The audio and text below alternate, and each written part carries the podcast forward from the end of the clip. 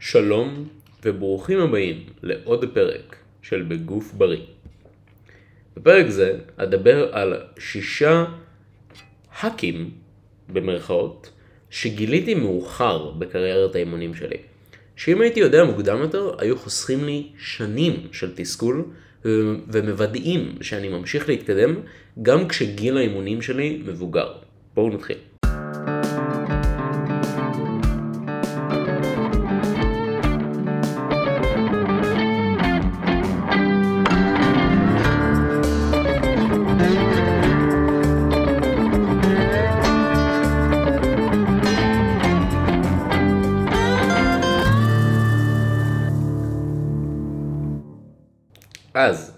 העמסה פרוגרסיבית.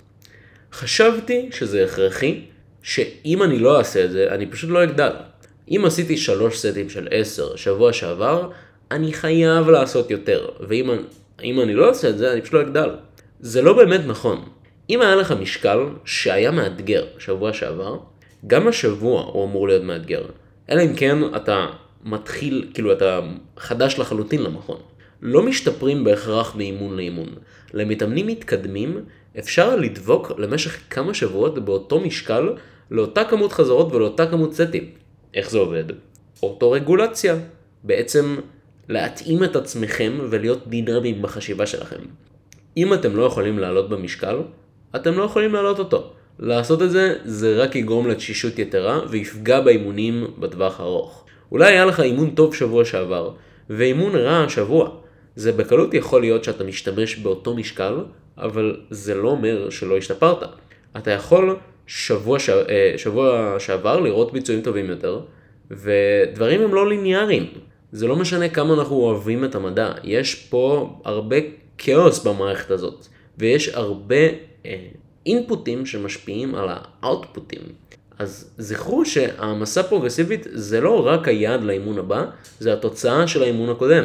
אז זה משהו שאמור לקרות באופן טבעי ואורגני, ולא משהו שאתם צריכים לכפות, זה פשוט אמור לקרות אם אתם עושים את כל הדברים האחרים כמו שצריך.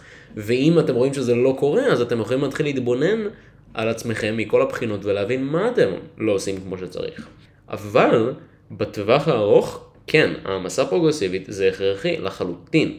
אבל בטווח הקצר, בשבוע לשבוע, רק אתם לא מוסיפים משקל, זה לא אומר שאתם לא משיגים משהו מהאימון הזה. אם אתם יכולים להוסיף משקל, מעולה. אם לא, זה גם בסדר, הביצועים יכולים להשתפר. ואם עשיתם את אותה כמות של חזרות עם אותה כמות של משקל, ושבוע שעבר זה היה קשה מאוד, והשבוע הזה היה בסך הכל קשה, השתפרתם חבר'ה. האק שני, לנסות תרגילים חדשים. פעם הייתי פשוט זורק הרבה תרגילים אקראיים, ולא היה להם ממש מבנה או עקביות באימונים שלי. אפילו בתנועות הגדולות, כמו סקווטים או לחיצות, זה היה נראה די אקראי בסך הכל איך שהייתי מבצע את זה. לא הייתה ממש התקדמות עקבית או יעד, והייתי עושה את זה הרבה בפרק זמן קצר, אה, את התרגיל המסוים, ואז הייתי מפסיק לעשות אותו. זה לא אפקטיבי. אה, אתם רוצים משהו בתוכנית שלכם לכמות משמעותית של זמן, אבל אתם כן רוצים להשאיר מקום בתוכנית שלכם להתנסות. במיוחד כשאתם יותר מתקדמים כבר במכון.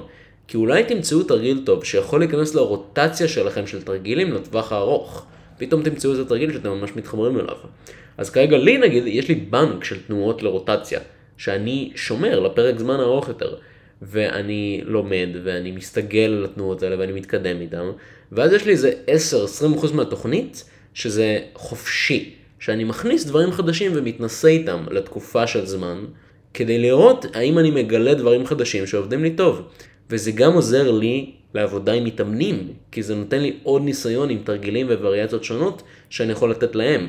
אני מתנסה בעצמי, לומד אולי דברים חדשים איכותיים, ואני יכול לתת אותם אחר כך למתאמנים שלי. כשל. אני חושב שזה בעיקר תלוי בתרגיל. אה, במשהו כמו דדליפט או סקווט, או אפילו לחיצת חזה, יש רציונל ללשמור חזרות במיכל לאורך תוכנית האימונים ולא להגיע לכשל. אה, אם אתם מגיעים לכשל בדדליפט נגיד, אתם לא עובדים טוב, אתם לא אמורים להגיע לכשל בדדליפט. זה פשוט לא הגיוני מבחינת אה, סכנה עבור תמורה, אה, או מבחינת העלות של התשישות לעומת הערך ההיפרטרופי של משהו כמו דדליפט. להגיע לכשל בדדליפט אה, יגמור לכם את מערכת העצבים לחלוטין. אתם לא משיגים מזה עוד, ואתם מעלים בוודאות את הסיכון להיפצע. בהשוואה למשהו כמו הרחקות לצדדים. בו זה תרגיל שעובד על שריר קטן והסיכון לפ... לפציעה או משהו כזה הוא מאוד מאוד נמוך. אתם לא עומדים לקרוא את הכתף הצדדית, זה פשוט לא עומד לקרות. וזה הכי קשה בחלק העליון של התנועה. אז אפשר ללכת לכשל, ואז להמשיך עם חזרות חלקיות בלמטה. אה, אני אישית מצאתי שלדחוף בתרגילים כאלו, כמו אה, חתירות וכפיפות מרפק והרחקות לצד, איפה שהכי קשה בחלק שבו השריר מכווץ, אז כל סט שהוא מעבר לכשל זה סט כאילו סדיסטי, אה, אבל fuck, זה עובד מעולה. אבל זה מתאים למתאמנים יותר מתקדמים. ובאופן כללי אני בחיים לא הייתי עושה את זה במשהו כמו סקואט. לשנות טכניקה וכמות השליטה שלי בתרגיל. פעם הייתי קופץ מהחזה בלחיצות חזה, כמו טרמפולינה. עכשיו אני יודע שצריך לרדת לאט יותר ולעצור קצת בלמטה כדי למקסם את התנועה, אפילו אם זה מוריד את המשקל. זה מאפשר לי להשיג יותר מפחות משקל, וזה משהו שהוא בעל המון ערך. זה לא תמיד כדאי, אבל לרוב זה כן. מצד שני, לגבי דברים מסוימים, דווקא התחלתי ללכת כבד, כמו תרגילים נגיד לטרפזין, או חתירות מסוימות, וזה ממש כאילו דופק את השריר בקטע טוב. נותן לי מתיחה עם משקל כבד, יש לזה מקום, בהחלט. אנטומיה ועקומות כוח. אם אתם לא יודעים את התפקוד של קבוצת שריר מסוימת, אתם לא תצליחו לאמן אותו בצורה האידיאלית. אתם לא חייבים לדעת את זה לעומק, אבל לפחות תנסו לדעת מה אתם מנסים לעשות כשאתם מאמנים שריר מסוים מבחינה אנטומית. קצת ידע אנטומי יכול מאוד לעזור, במיוחד עם אזורים יותר מורכבים כמו נגיד הגב. יש אנשים שפשוט מאמנים גב במרכאות, אבל לא יודעים מה בגב הם מאמנים, והם לא יודעים שזה שריר ענק, וכל ניואנס קטן יכול להשפיע על איך מפתחים אותו. אז שינויים קטנים ומשחק עם טכניקה ממש משפיע על זה. ולגבי עקומות כוח, עוד לא אה, הוספתי שרשראות או גומיות לתרגילים שלי, שזה משהו שאנשים שמשחקים עם עקומות כוח עושים, אבל אני חושב שבאופן כללי, לדעת איפה בתנועה אתם הכי חזקים או הכי חלשים, ולשנות את הטכניקה או את הווריאציה של התרגיל כדי לעבוד על זה. נגיד בלחיצות, אתם יודעים שיותר קשה לכם בלנעול את החזרה מאשר בתחתית שלה, לצאת מהחלק התחתון של התנועה, ואז בהתאם להקשות על עצמכם עם וריאציות שמחזקות, נגיד בדוגמה של לחיצה, את היד האחורית, כי זה החלק שעובד הכי קשה בנעילה, אתם בעצם עובדים על החולשות שלכם, וזה זה תכנון איכותי של תוכנית. והדבר האחרון, הפסקתי לרדוף אחרי שיאים אישיים, או לפחות הפסקתי בטירוף לרדוף אחריהם. יש פעמים שאני מסתכל על הלוג של האימונים שלי, ואני רואה יעד מסוים שניסיתי לעמוד בו, ואני רואה כישלון, כישלון, כישלון, כישלון. נכשלתי בניסיון ל-personal record הזה איזה עשר פעמים ברציפות במשך עשרה שבועות. וזה לא טוב בכלל, זה פשוט כישלון וזה גרוע. אני עדיין נהנה מלהשיג שיאים אישיים, אני עדיין שואף לזה, אבל זה לא make or break עבורי אם אני לא מצליח את התרגיל. אם אני הולך נגיד על אה, 10 חזרות מקסימליות לתרגיל מסוים, ואני משיג רק 9, זה לא סוף העולם. לא בהכרח צריכים לקחת את השיאים האישיים כדי להוכיח לעצמנו שאנחנו משתפרים, ולפעמים זה אפילו עובד כנגדנו להמשך האימונים. אז תנסו לשמור את השיאים האישיים האלו לסוף של תוכנית, לפני תקופה שבמילא אתם כנראה תעשו איזשהו deload, איזשהו הורדת עומסים, במיוחד בהרמות כבדות כמו deadlift או squat, אם אתם עושים נגיד סינגל, אה, כאילו חזרה אחת, ב-90% מהמקסימום שלכם במקום ב-100%. זה עדיין נותן לכם המון, אבל זה פוגע בכם מבחינת התשישות הרבה פחות. זה קצת כמו מי שרוצה שתהיה לו חברה, ואז אתם פשוט הולכים למישהי ושואלים אותה, היית רוצה להיות חברה שלי?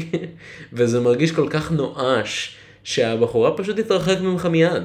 אז אותו דבר עם שיאים אישיים. אם אתם ממשיכים לנסות ולא להצליח, תחליפו את התנועה, תשנו את כמות החזרות, תרעננו את זה איכשהו.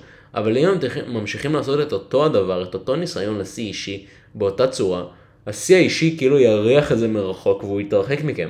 אה, אל תנסו כל הזמן להשיג שיאים אישיים. אה, לדחוף, תנסו לדחוף טיפה את ה... את ה-gratification הזה של השגת אה, שיא אישי, וזה יכול ממש ממש להועיל לכם בטווח הארוך. אה, זה למי שמתקדם במכון. מקווה שלמדתם משהו חדש. אני הייתי אורי שוורץ. אתם האזנתם לבגוף בריא. ונתראה בפרק הבא.